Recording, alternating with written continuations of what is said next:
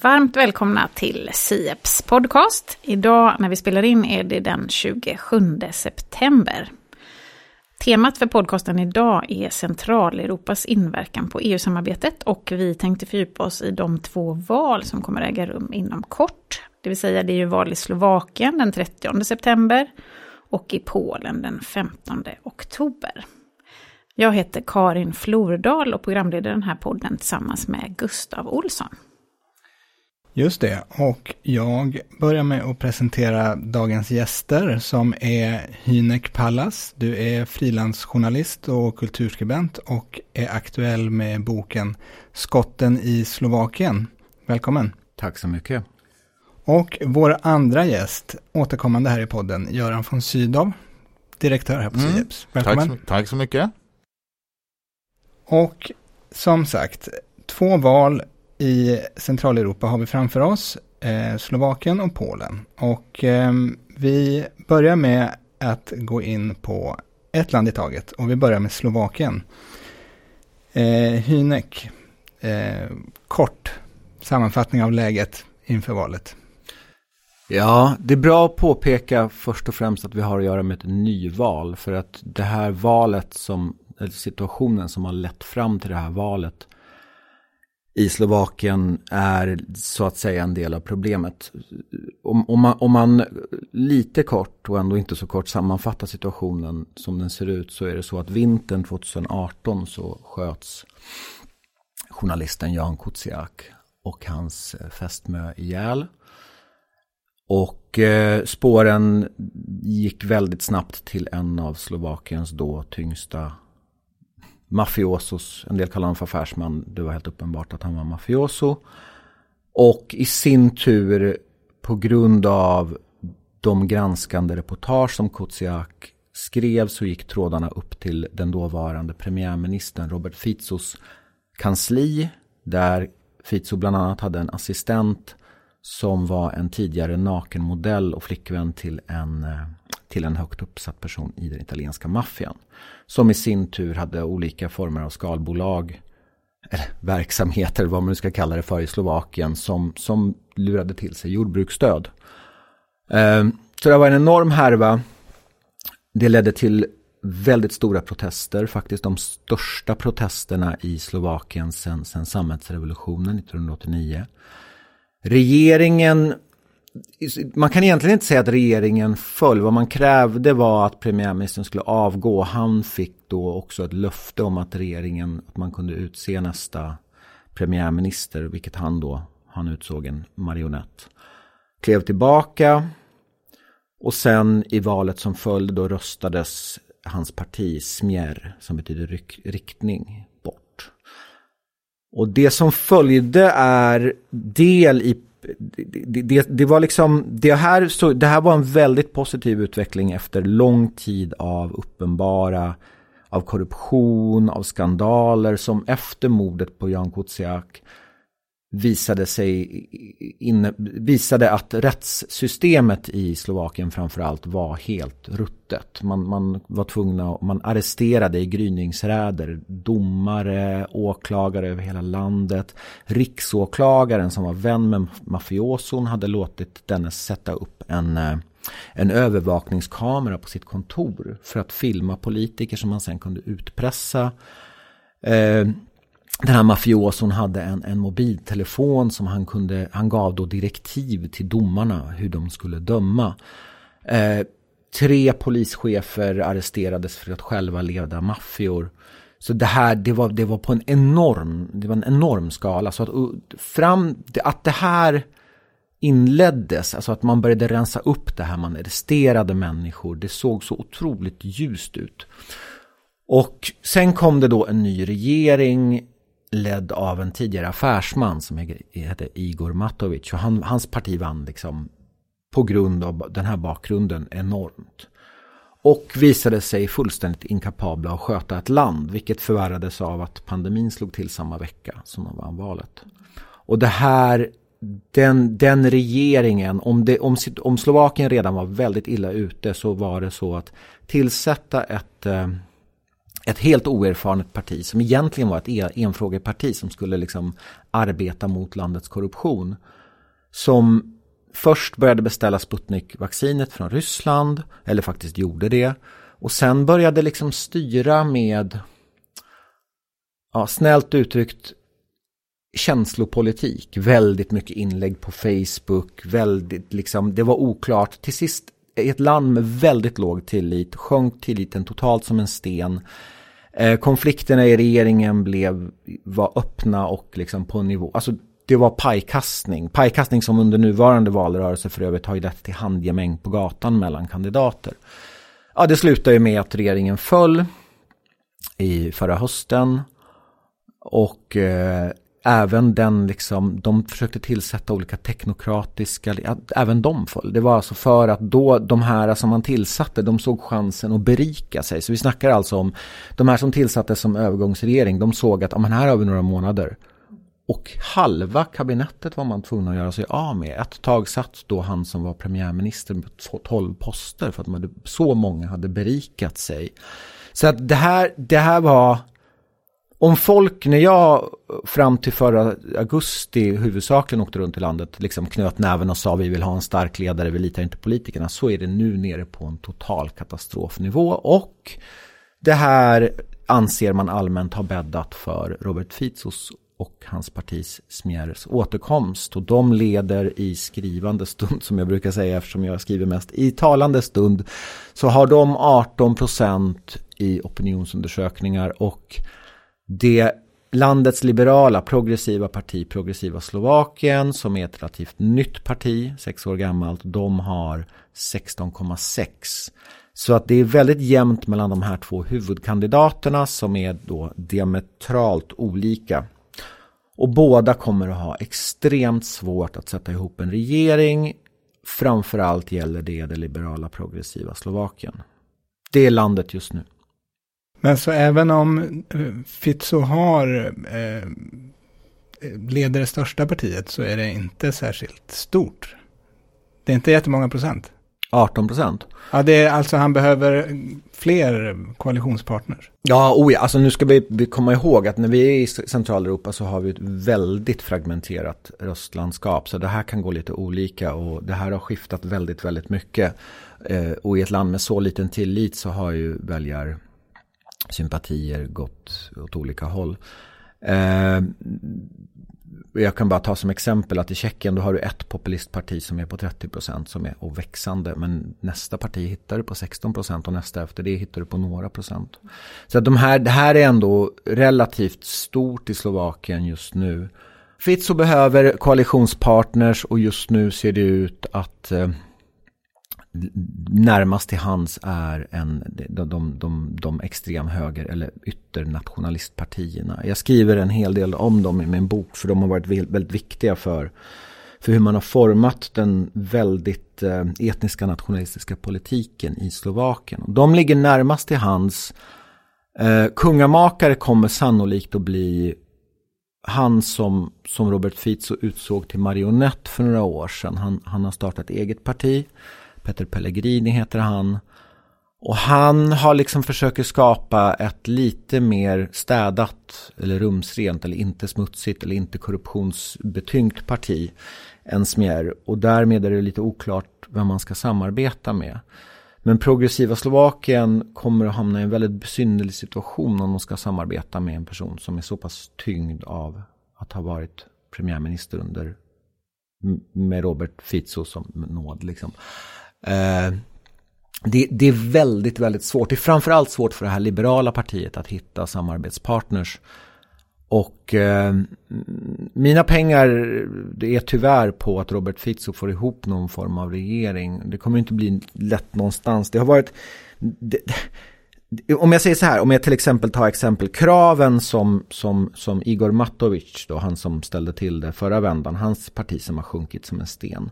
Om de kommer in i parlamentet då har han satt som krav för att sätta ihop en koalition att för hans enda krav i den här valrörelsen det är att alla som röstar ska få 500 euro. Mm.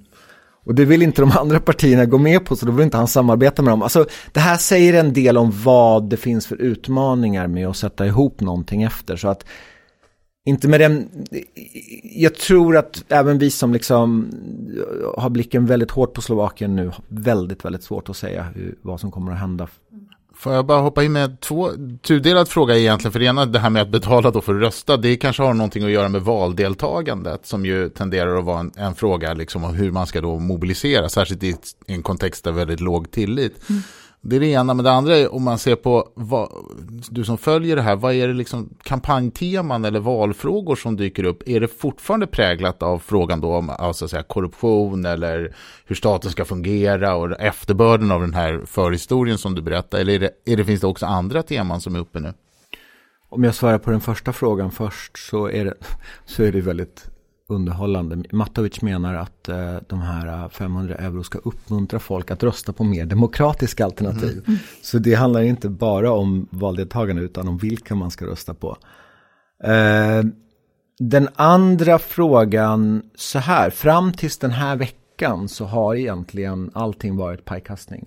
Du är dum, ni är korrupta, ni har varit mest korrupta, ni ansvarar för det här. Det har ju alltså varit en sån röra. Där eh, av förståeliga skäl Igor Matovic då får bära väldigt mycket hundhuvud. Men sen har vi då det här eh, liberala alternativet som försöker stå för slushnost, alltså vä värderingar för att liksom ett schysst, korrekt samhälle. Det här, det här blir ju, det kanske låter liksom som mordord och kulturkrig, men det är i, i ett landskap där, där, där Robert Fico och hans närmaste samarbetspartner kallar om jag använder mer städade ord så kallar de den, den liberala pres, kvinnliga presidenten för en amerikansk prostituerad.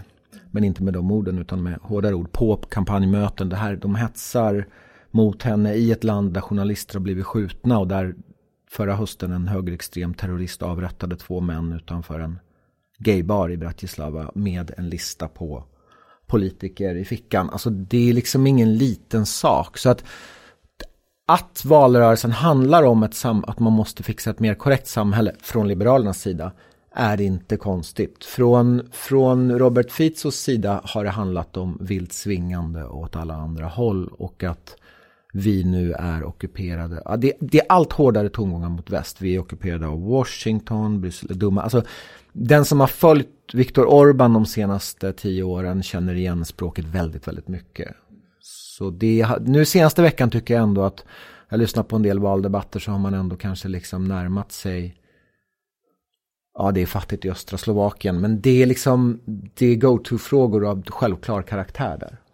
En stor farhåga när det gäller hur EU har, hur det här diskuterats då inom EU eller ifrån ett mer liksom Brysselperspektiv har ju handlat lite om Robert Fitzo och den politik som ju har varit så otroligt viktig senaste ett och ett halvt åren för EU, nämligen att upprätthålla en sammanhållning eh, kring den förda politiken, alltså sanktionerna mot Ryssland och stödet till Ukraina det är många som då har liksom farhågor om att Fitzor signalerar en ganska annorlunda inriktning. Hur, som, hur ska du säga, kommer det här upp i kampanjen också? Det vill säga, hur ska vi agera i förhållande till Ryssland och Ukraina? Absolut. Liberalerna tar upp det hela tiden och är, det, det är ju i ett så pass delat land som Slovakien är. Om, om jag då ger, en liksom, ger er en mentalkarta. Ingen, ingen lyssnare kommer att veta hur en slovakisk karta ser ut, men vi föreställer er en oval. Och längst ner i nedre vänstra hörnet så har du en liten blå klutt. Och den indikerar då att vi har att göra med en av EUs rikaste, eller numera rikare regioner. För förut låg de på plats 6, nu är de någonstans i plats 20. Men alltså en väldigt rik region. Och det är Bratislava med omnejd, för där ligger då bilfabrikerna. Det är alltså världens per capita bilfabriksbygga, mest by, bilfabriksbyggande region och nation. Och väldigt nära till Vin, som ja, ju många kanske inte tänker på. Är, det, det, tåget, och det är enbart för att tåget håller på att gå långsamt och så där ibland går ju på under två timmar, alltså det är väldigt nära. Eh, med lite snabbare tåg så är det en Arlanda Express-sträcka liksom. Om du sen fortsätter i praktiken traskar dig lite bort i den här ovalen i verkligheten, då kommer du till en, till en eh, mörk-orange region som indikerar att du kliver in i en av EUs fattigare regioner som bara blir fattigare. Det, och, och ungefär så ser väljarkartorna ut också. Vi har att göra med ett västtillvänt liberalt område som, som framförallt i Bratislava, kanske någon annan storstad. Eh, och de, de rikare regioner där man bygger bilar, där medelklassen har det relativt bra. Eh, men klyftan är, är så enorm i det här att den går att och, och, vad ska man säga, använda av politikerna. Så att de liberala kan vända till det här, skrämma dem med att liksom, vi får inte bli västfrånvända.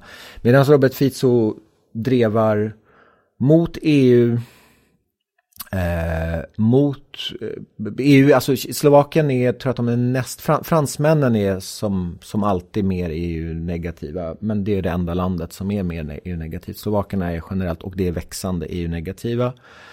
De är ju en av NATOs mest NATO-fientliga nationer.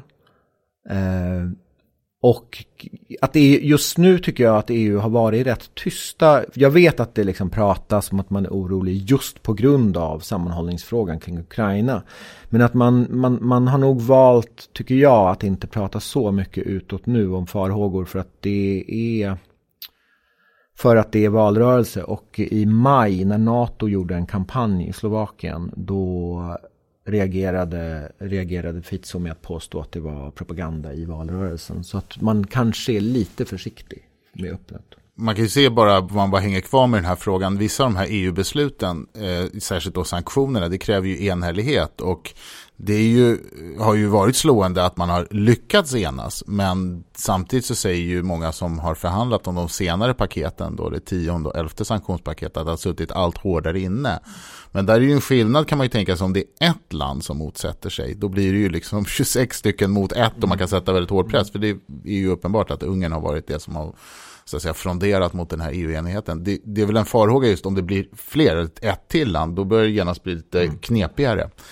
Samtidigt ska man väl också säga i det ljuset att den här sanktionspolitiken, det är väl, ja, det finns väl kanske på andra platser också att man funderar på hur långt kan man sträcka ut den eller vad ska den innehålla förvisso. Men jag tror att här finns det en källa till viss oro helt enkelt i EU-kretsar just nu. Robert Fico är väldigt öppen med att sanktionerna ska bort och att eh, de gynnar inte det slovakiska folket som vill ha en god relation med det ryska folket. Så att hans, hans liksom, han är ju väldigt tydlig. Eh, det finns slovakiska journalister som menar att vi har att göra med en väldigt pragmatisk politiker när det gäller Bryssel och att det här liksom bara är snack under valrörelsen och att han sen inte kommer att ändra sig.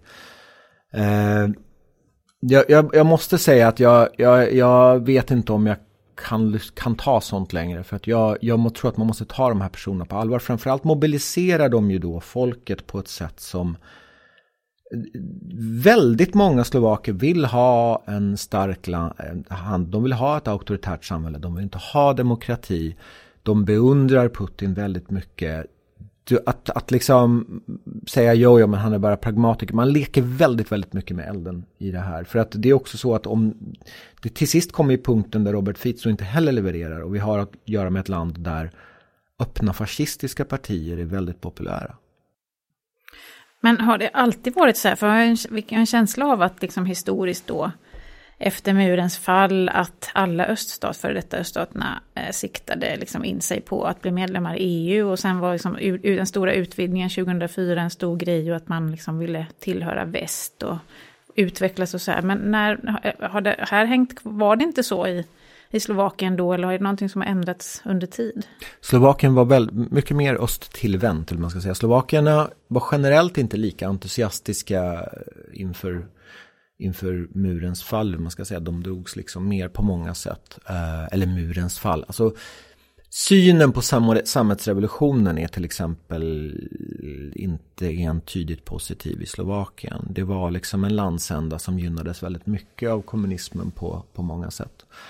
Ehm, och sen har man av andra historiska skäl en annan starkare relation till det ryska genom liksom, det slaviska, genom religionen. Det är ett land där gummorna går till kyrkan. Det är ett väldigt katolskt land. Eh, gummorna går till kyrkan med bilder på, på sina starka män, politi alltså politikerna. Och det, på det sättet liknar de Polen och Ryssland mycket mer. Och eh, 90-talet präglades av att eh, av separationen från tjeckerna. Eh, 92-93 och den drevs bland annat av synen på hur man skulle privatisera och på synen på väst. Och den starke man som ledde landet då, en ganska auktoritär typ som heter Vladimir Mechiar. det är väldigt mycket hans arv man lever med för att han det, här, det, det, handlade väldigt mycket om korruption och utpressning. Han ledde genom att, som han själv sa, när han var inrikesminister då, då eh, lät han sina anställda, eller vad man ska kalla det för, eller man gjorde det själv, rensa ut eh, akter från säkerhetstjänsten. Så folk som hade samarbetat som han sen kunde använda i utpressningssyfte. Och de personerna antog han, det var hans kabinett. Som han, som han själv sa, för då kan man styra genom att hålla dem om pungen. Och, eh, så att det här, det handlade liksom, och sen så fasadmässigt så, så var man skapade man en konstitution som, som, som, som satte var slovakerna först i ett väldigt mångetniskt land. Så plötsligt blev det ett, liksom, ett land där minoriteter fick kämpa väldigt mycket för sin existens. Eh, det är man ju ganska lika ungrarna, även om ungrare drabbades, slovakiska ungrare drabbades väldigt mycket av det här. Men man var mer östtillvänd. Madeleine Albright kallade Slovakien för Europas, ett, ett, ett svart hål i Europas hjärta. Och det var inte förrän man efter 98 röstade bort Metjar och då gjorde man i praktiken en, en, en konsensusöverenskommelse i politiken där det var nu tillhör vi väst och nu blickar vi mot väst. Och då kom ju euromedlemskapet som skiljer då också Slovakien från, från de andra visegradländerna. Om man, om man nu liksom vill blicka upp från politiken och involvera näringslivet så är det så att det dröjde inte jättemånga år innan Slovakien var då bilfabrik tätast i Europa. Så att de här sakerna hänger naturligtvis ihop och att man redan, jag tror att 2004, 2005 kallas, 2006 kallas för Tatratigen, alltså ekonomiskt mirakel har ju enormt mycket med det här att göra. Så att naturligtvis visste alla politiker vad som, vad som gällde. Eh, och eh, Slovakien är, har fortfarande en väldigt god tickande tillväxtekonomi i de här om regionerna. Men det är bara, precis som resten av Centraleuropa, väldigt dålig på att fördela pengarna och investera dem på ett smart sätt. Men väldigt många har berikat sig på vägen. Det som hände den här tattra tiger grejen var väl kanske inte entydigt bra för att sen dess så är det ju uppenbart att eh, de som har styrt det landet, alltså korruptionsskandalerna är ju på en nivå som liksom inte går att beskriva. Och jag tror att Smjärpartiet generellt är, är en eh, helt enkelt en fasad, eller vem man kan kalla för det. Liksom. De, det, det är en kleptokrati. Det har stulit så enormt mycket. Ska vi gå över till Polen? Mm. Eh, och där det också stundar ett val, det är den 15 oktober. Eh, där kan man väl också se det som att det är mm, ganska vitt skilda visioner av framtiden som, som möts. Eh, vill du utveckla det lite Göran? Det kan jag göra lite kortfattat bara. Jag kan ju flagga redan för det att vi kommer ju ha här från Sieps då både skriftlig analys inför valet som ger lite mer förståelse och även eh, seminarium efter valet har skett då. Men man kan väl säga att om man tittar på eh, den polska politiken så kännetecknas det väl att det är två stycken ganska tydliga kraftfält som står mot varandra. Och det ena är ju det styrande lag och rättvisa som ju är, fortfarande ligger förspr har försprång när det gäller opinionsmätningar. Och som ju vi vet, eh, som har liksom lett Polen på ett visst sätt och en viss riktning under ett antal år. Och mot det så står ju då det som är den nuvarande oppositionen som leds av Donald Tusk, det vill säga Europeiska rådets tidigare ordförande och som också ju var tidigare då premiärminister i Polen som ju har en mer då västtillvänd och liberal eh, hållning. Man kan väl säga att det polska partilandskapet kännetecknas väl av att det är ju inte en vänster-höger-konflikt i, ja, som vi känner igen från många andra länder utan huvudsakliga liksom utspelas då på den högra halvan av politiken och där det här mer nationalistiska alternativet står då mot ett mer EU-tillvänt alternativ. Det som är intressant också inför eh, valet, det handlar ju precis som när vi pratar om Slovakien så handlar det ju om vad är det för tänkbara koalitioner som kan bildas. För båda de här kraftfälten behöver ju då bilda någon typ av majoritet tillsammans med andra. Och här finns det ju vissa rörelser då och förändringar som kan vara värda att hålla eh, ögonen på. Men jag, jag tror också att Hynek, även om han är absolut experten på Slovakien och Tjeckien så tror jag att han följer också mm. Polen en hel del faktiskt. Jag kan direkt flika in här att när vi, det här är så intressant när man pratar om vänster-högerskalan för att en väldigt tydlig trend och som kanske är tydligast i Polen är ju det här det socialkonservativa. Att även det social ska man liksom lägga tyngdpunkt på. Den, den välf välfärdsmodell trots allt som de här länderna, eller de här partierna ägnar sig åt. Eh, lag och rättvisa är ju populära också för att det, det finns en... De, de, man, kan, man kan uttrycka det på olika sätt, för det här går igen i hela regionen. Att hälla pengar över, över flerbarnsfamiljer eller pensionärer. Eh, det förenar liksom ett socialt socialkonservativt, snällt uttryckt, parti som Lag och rättvisa. En populist som Andrej Babiš i, i, i Tjeckien delvis eh, Smjer i Slovakien och eh, det är ju något som i alla fall retoriskt eh, Viktor Orbán ägnar sig åt. Och den här, det här har gjort dem populära även om det liksom är en, en det, det, är ett slöseri som, som jag tror att den trots allt Polen börjar upp, uppvisa eh, lite negativ ekonomi även de inte är jättebra. Och det intressanta är att eh, oppositionen har ju också rusat efter det här och börjat lova en massa saker. Så att det, valrörelsen handlar lite om en, en del sådana här löften också. Och där kan man ju säga att även på Europapolitiken, det som Donald Tusk då, som ju i omvärldens ögon ses som en väldigt ju stark Europavän och vänd liksom mer då mot väst och så, så har ju han väldigt starka utfästelser om att alla de här frysta EU-medlen, alltså EU, det har ju blivit det med den här stora återhämtningsfonden till exempel, så som ni vet så har man ju också kopplat den här så kallade villkorsmekanismen som gör att man kan hålla inne med europeiska medel ifall det finns en risk då eller förutsättningar för att det här grundläggande värderingar och rättsstatens principer inte efterföljs. Och det där har ju då Donald Tusk inriktat sig på att med mig så är det en garanti att vi faktiskt får de här pengarna. Så att den delen, även ibland Europavänner i till exempel Polen, så är ju den delen en ganska viktig aspekt. Det vill säga hur ska vi få eh, ta del av, av alla de ekonomiska resurser som finns i, från EU-sidan. Men sen en annan intressant likhet tycker jag som, som Hynek pratade om de geografiska skillnaderna i Slovakien då i väljarbeteende. Det ser man ju ganska tydligt i Polen också i förra valet hur de här olika politiska krafterna har ett tilltal som riktar sig då till olika delar, alltså helt enkelt lite urb, alltså stad mot landsbygd. Samma sak ser vi ju till exempel i det eh, ungerska valet som var här sist, att den enda liksom region där oppositionen vann var ju i Bud huvudstaden Budapest och allt annat domineras då av Fidesz. Så samma lite tendens av en sån här stad och landsbygdskonflikt och intressant då i Polens fall att där är det, pågår det ju liksom, de, de allra flesta har ju generellt sett urbanisering men just nu i Polen så sker det då en viss utflyttning från de stora städerna.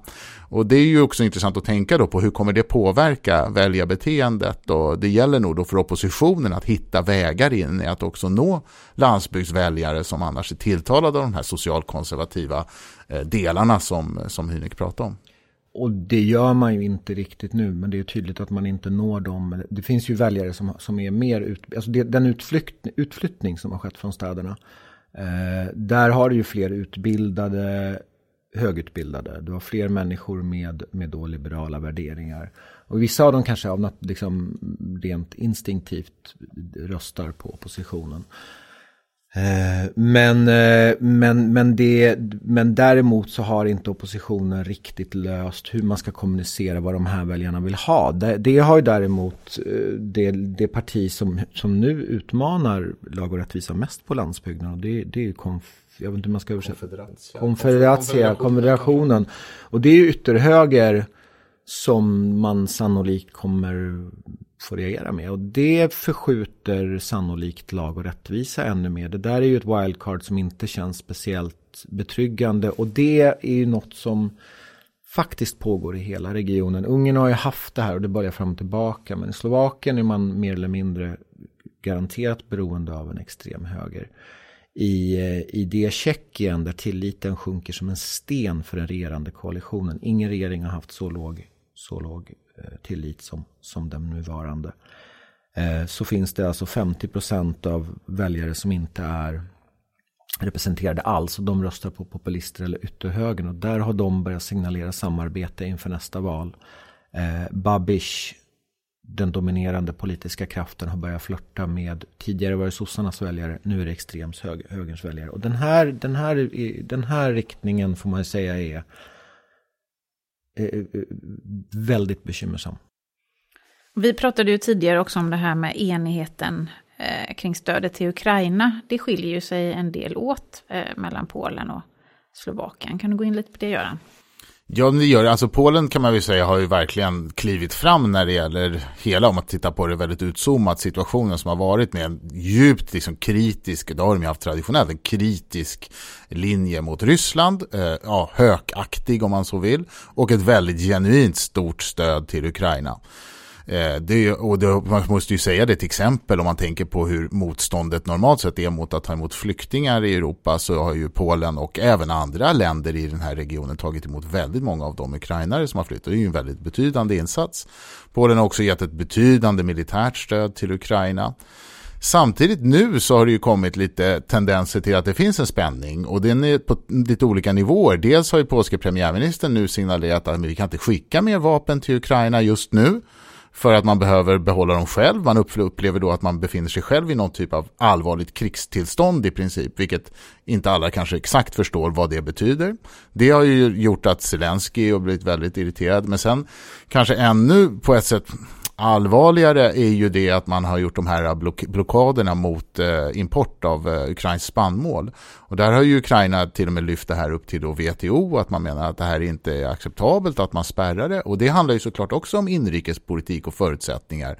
Att man inte vill då, man ser ju att det, liksom, det är en risk att ukrainska spannmålet skulle konkurrera ut då det som polska bönder och andra, för den delen, länder i den här regionen också. Så här har blivit en, en, en betydande spänning här måste man säga som ju eh, inför ett litet nytt element. Jag gissar väl att det här har väldigt mycket med det förestående valet att göra.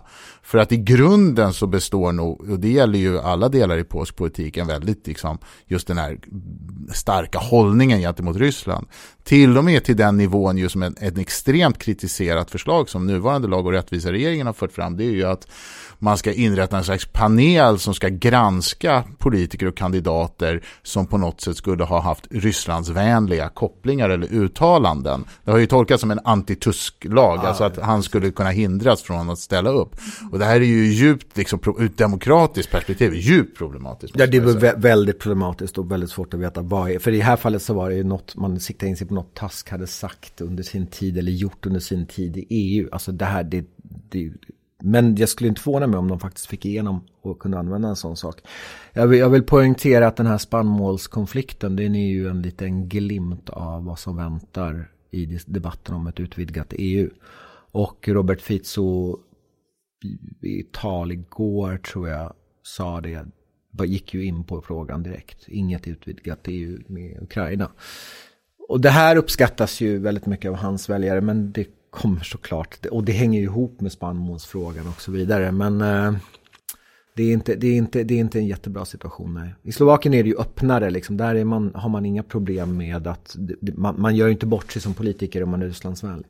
Och där finns det ju just en intressant fråga kring att många av de här länderna i centrala Östeuropa har ju varit i grunden för utvidgning, alltså drivit på den på olika sätt. Men det är nog sannolikt det som Unik säger också, att oron för vad det faktiskt innebär eh, kommer nog växa också när det gäller just saker som hur ska EUs budget, hur ska man finansiera, hur kommer det då påverka för att även ett land som Polen som jag har dragit nytta väldigt mycket av att ha varit nettobidragstagare då från EU skulle ju om ingenting förändras så att säga skulle det här behöva skifta över väldigt mycket till Ukraina och de andra länderna och då kommer helt plötsligt kanske andra intressen och parametrar in i den här diskussionen så att det är väl ett eh, space to watch som man säger. Mm.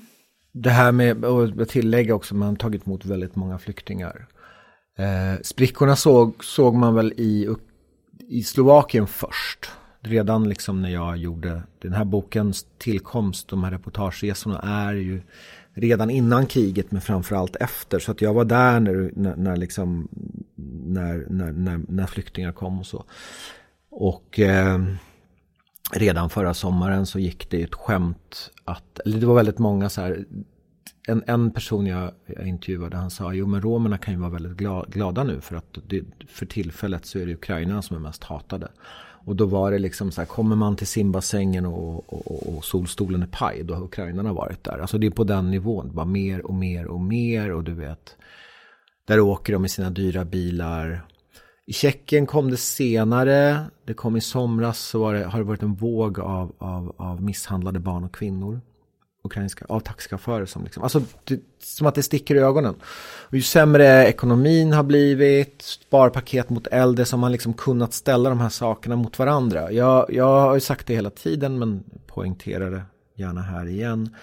Det är liksom att bäst applåderade och var glada över Polens hållning. Liksom, det var viktigt när det hände men det här är in the long run. Det här är en fråga som, som liksom inte det, det, är för ett långt perspektiv och det är också därför vi måste förstå och förhålla oss till Centraleuropa på ett sätt och Central och Östeuropa på ett sätt som vi inte har gjort förut. Sverige måste verkligen förstå det här. Det här kommer förändra politiken där. I Sverige kan man utan problem skriva texter om att rysk propaganda har inte påverkat oss medan den är fullständigt marinerad. Hela slovakiska valet är totalt marinerat. Ryssland betraktar Slovakien som sitt mest framgångsrika projekt. Den ryska ambassaden i Bratislava är mer, mer aktiv än samtliga ryska och kinesiska ambassader i Europa tillsammans. Det är inga småsaker att göra. Igår släppte eh, tjeckiska säkerhetstjänsten en rapport om påverkan i tjeckisk politik som inte var kul läsning. Så att, och det har handlat väldigt mycket om, om att, precis som man 2015 gjorde från det här hållet, använda flyktingarna, använd flyktingarna, använd, bygg upp det här. Och eh, vi bara ge, vi levererar ju såklart, jag menar spannmåls, det finns ju konflikter som kommer att komma fler av. Och eh, man kan tänka sig att minsta grej som liksom en ukrainsk-kanadensisk nazist i parlamentet, det, att det exploderar oproportionerligt i nyheterna som det gör nu. Det, det handlar om att vara vaksam, väldigt vaksam nu kring vad som sker. Det är ju en viktig fråga också just om mediernas roll och ställning såklart i flera av de här länderna och även då de sociala medierna och desinformation. Här har man ju försökt att vidta åtgärder från EUs sida. Jag tog bara häromdagen så Vera Jourova då som är kommissionär ansvarig för de här sakerna hade ju pekat ut på problemen som finns då i många, även i de här valkampanjerna med att de sociala plattformarna heller inte då sköter så att säga städjobbet här utan Nej. att det finns väldigt mycket ja, falska uppgifter som kan så att säga fortsätta finnas. Twitters ägarbyte har ju inte varit gynnsamt för det här och jag tycker att det är ett mycket större huvudbry än vi än offentligt diskuterar än. Jag, jag tänkte just på det som du var inne på Göran också att, att EU eh, ser den här utvecklingen och eh, hur kan kan, man lägger sig ju inte i en, en pågående valrörelse så, men, men vad, vilka mekanismer Ja, alltså det, man kan väl säga att generellt sett så har ju den här, om man tittar den här utvecklingen när det gäller då nedmonteringen av rättsstatens principer eller olika typer av, även situationer för medier så kan man ju säga att det har ju inte varit traditionellt EUs liksom repertoar att ägna sig åt de här sakerna, men det har ju gradvis blivit det allt mer. Sen kan man ju verkligen fråga sig om, ja, gör man det i tillräckligt hög utsträckning, på vilket sätt? För det är ju den här balansen då, att EU består ju av nationella demokratier, det är liksom nation, medlemsstaterna som äger den konstitutionella ordningen i sitt eget land med mera. Och man är ju väldigt mån om att vaktslå det. Så därför så har man ju då, om man tittar på de här olika rättsstatens principer, men då finns det ju ett antal processer som rör Polen. Nämligen artikel 7-förfarande som ligger, alltså det här idén om att kunna hitta sanktioner då, att frånta till exempel rösträtt. Men också så har det kommit en väldigt stor mängd domar från EU-domstolen som rör just det här med domstolarnas roll. Och det har ju Sieps uppmärksammat på många, många gånger tidigare. Det senaste som i, i, i den här repertoaren, det handlar väl om det här med mediefriheten Och där man har försökt att gå fram då med ett förslag som är en, en typ då europeisk mediefrihetsreglering och sådär. Men där är det återigen då att det är ju lite svårt, eh, Jag menar, även i ett land som Sverige kan man ju tycka att det här är lite för mycket. Varför ska liksom Bryssel och EU, varför ska vi gå in och reglera det här? Men det är klart att problemen finns ju alldeles uppenbart jag tycker ju som all, har alltid tyckt också att det finns ett, ett allvarligt problem som kanske inte heller EU kan, det är ju liksom själva valen och demokratin, hur de fungerar, saker som valsystem och att valintegritet och alla de här sakerna fungerar. Men det, det är också svårt att komma åt mm. i någon mening. Ska vi erbjuda 500 euro per röst? eh, jag ska säga att det är bra att du tar, tar upp de här exemplen, för det är ju precis media, rättsstat, eh, som, som, som polisväsende som, som ligger i skottgluggen här. Jag förstår att man inte har sagt någonting eftersom det än så länge är retorik från Robert Fizos håll i Slovakien men det är precis det han har riktat in sig på. Eh, och journalisterna har ju då varit under hård, hård press då, inte minst har ju en blivit skjuten och sen har hoten blivit växande. Eh, den, den nätsida som, som, som, som Kutsiak skrev för, som var landets största, den har tappat tiotusentals läsare till alternativmedier, vilket är ett land med fem miljoner invånare, inte någon liten grej. Eh, så, så, så, så, man är ute under tryck från flera håll och sen har Robert Fico då sagt öppet att vi ska se över medielagarna. Eh, och det, i rättsstaten fall så är det ju så att man såg väl, antar jag, positivt från, från Bryssels håll på att man rensar ut rättsväsendet. Men där har ju då Fico också sagt att alla som var involverade i, att, eh, i de här processerna, de, de kommer förlora jobbet. Så att det är inte jättekul. Sen vill jag säga en sak till när det gäller det här med hur EU agerar. Liksom när, jag brukar säga att när jag kommer till Prag och så ser jag att det är någon EU-kampanj och EU är fria resor, är det liksom liberalt och det är din framtid och du kan resa. Då vet jag att då har, då har det nyligen gjorts en undersökning om tillit i de länderna. Till, till, liksom, till både nationella regeringar och eh, till Bryssel och den har varit väldigt eh, negativ. Och sen så kollar jag upp det och så stämmer det. För att det är liksom tyvärr EU kan inte göra så mycket, men jag blir väl inte klok på de här kostsamma Nej. kampanjerna man slänger upp. När man samtidigt kan åka till östra Slovakien och se romer som lever i medeltid. Liksom. Mm. Och det är ju såklart jättedystert. Jag vet liksom, jag var där bara någon vecka efter EU-kommissionärer hade varit på resa i östra Slovakien och rivit sitt hår och pratat just om medeltiden. Men att om man inte, alla, alla vet det här, jag menar Slovakien är ju ett av de sämsta länderna på att överhuvudtaget använda pengarna. Liksom. Det, de, de, idag publiceras en nyhet om att Slovakien förlorar tre sjukhus om året. Fondpengar används inte på rätt sätt, de försvinner. När det gäller romerna så är det, vi har ju, en person jag intervjuat med talar om, en, om, om fond, fondkvarteren i, i Bratislava. Jag försökte förstå vad det var tills jag insåg att ja, men det är de här lyx, till, till liksom ett fattigt land där det finns lyxskrapor som kan finnas på Manhattan eller de är inte mm. lika höga. I en stad som Bratislava, de som bor där, de har liksom senaste modet och de och det är så här, det stick, inte bara sticker i ögonen utan de flesta vet att den kommer från det är liksom EU-pengar. Mm. Så att det är otroligt svårt och vi har, vi, stå, vi står liksom och väntar ett nytt unge, ungen i farstun och på vissa sätt kanske värre liksom. Så en liten spänning som har dykt upp, eh, som jag ändå ska nämna i det polska valet, det är ju också den här handeln med eh, pass. Ah, så att Gud. faktiskt, det är ju kanske, jag vet inte hur stor påverkan det här kommer få sen på valkampanjen, men det, nu är det ju verkligen en konflikt som framförallt mm. Tyskland och Polen får i det, för att Tyskland säger ju att man vill nu stänga, eller ha gränskontroller. Ah. Apropå det här med löftet om vad EU är, det är ju mycket fria rörligheten mm. som för Centraleuropa har ju varit en så jätteviktig ja. del. Därför de hotar tjeckerna och slovakerna med samma sak, ska ja, jag säga, det. tyskarna, det, det, så är det.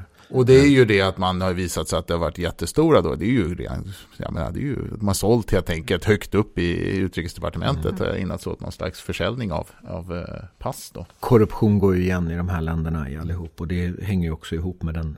Jag tror Polen, Polen har, häromåret hade de näst, näst lägst tillit till demokratiska länder eller någonting. Nu är, alltså pandemin, nu brukar jag lägga till så här, pandemin påverkar mycket, men då glömmer man att pandemin var något som faktiskt påverkade mycket. Det är helt avgörande för slovakiska valet nu. Det är helt avgörande för att tilliten sjunkit i praktiskt taget alla länder i Centraleuropa. Det gav en skjuts till alla antidemokratiska rörelser i Tjeckien. Alla, de här, alla regeringar misskötte det, men jag tror även om man hade skött det bra så hade det här hänt. För att i regioner med så, hög andel av konspirationsteorier så ökar det. Mm. Sen tror jag, eh, eh, så i, det här, det pågående polska valet, de har gjort nationen, nation, skyddet av nationen och migration till en så enorm valfråga.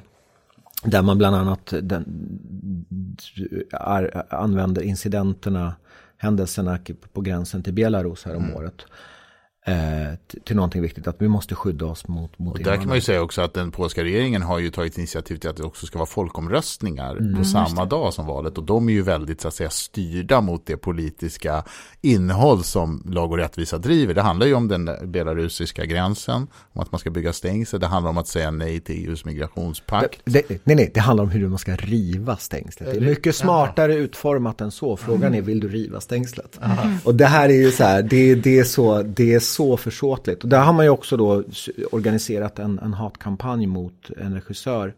Polens internationellt mest berömda filmregissör Agnieszka Holland. Som då har gjort en film om just gränsen som heter Green Border. som hade premiär i Polen i veckan. Men redan osedd så fick man igång en, en, en, en hat och drevkampanj mot Holland som bara kan jämföras med hur man arbetade mot dissidenter under kommunisttiden. Så att det är extremt obehagligt tonläge. Och den andra nationella frågan man arbetar med det är ju då eh, krav på, som man också har gjort i en valfråga, krav på ersättningar från Tyskland för andra världskriget. Men det är också, men det är klart att det är ju intressant, apropå stöd till EU och Polen så är det ju fortfarande ett väldigt högt stöd för EU hos befolkningen. Så att det är klart, det här finns ju någonting som ibland, det blir en slags mismatch då mellan vad den allmänna opinionen och hur liksom politiken förs. Men tittar man på det framåt så är det väl lite intressant att fundera också på jag menar, de här länderna som vi nu har pratat om, som vi då ibland tänker eh, som som ett, en grupp, då, en vicegradsgrupp som kan ha en gemensam europeisk hållning. Under det som har skett nu då, sen ryska invasionen av Ukraina, då har det blivit en tydlig liksom, splittring i den här gruppen egentligen. Framför allt då att Polen och Ungern, de håller med varandra när det gäller liksom vissa saker, migrationspolitik och eh, det här med artikel 7 och alla de här sakerna kring EU. Men just i Ukraina-politiken så har det blivit en så uppenbar splittring. Så att det är väl intressant att se när vi väl kan summera vad som har hänt i Slovakien och hur det blir i polska valet, om det finns förutsättningar för att liksom en återkomst av den här gruppen. Vad säger du Hynek? Jag säger att den tjeckiske presidenten Petr Pavel som väl ändå får betraktas som en ganska eh, positiv kraft i, i, i, landet som, som tog över efter den katastrofala eh, Miloš Zeman i, i, i Tjeckien. Han, en av hans första saker som han sa var att V4 behöver faktiskt inte finnas liksom bara för att. Eh, med tydlig riktning till grannarna. Han åkte inte till Ungern på sin, den traditionella rundresan som den tjeckiske presidenten gör.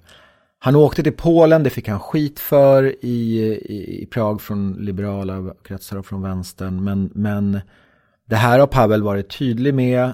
Nu är det inte hans beslut, men att det, det ens kommer sådana signaler är väl, jag, jag, tycker, jag tycker det är bra att man ser över det. V4 har inte varit nödvändigtvis varit eh, superpositivt. Men det är klart att de här länderna traditionellt vill hålla ihop och så vidare. Men om Slovakien skulle gå Robert Fitzos väg, om det skulle utvecklas, då, då, då, då vet jag faktiskt inte vad som händer med V4. Du kommer att komma ihåg att så många tjecker vill tillhöra väst och det är nästan som en liksom grundimpuls, vi är mer väst.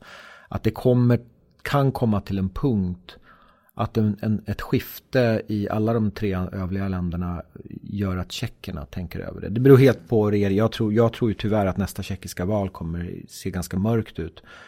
Eh, så att det är svårt att säga. Spännande. Det är muntra, muntra ja. ja, men eh, det låter ju som att det finns anledning att hålla ögonen på kommande val och på den här regionen framöver och med det kanske vi ska runda av. Ja. Som sagt så kommer vi att publicera en Europapolitisk analys inför det polska valet och även hålla ett webbinarium efter valet. Så om man prenumererar på Sieps nyhetsbrev så missar man ingenting. Nej. Stort tack till Hinek Pallas och Göran von Sydow för att ni var med i Sieps podcast. Tack. Tack.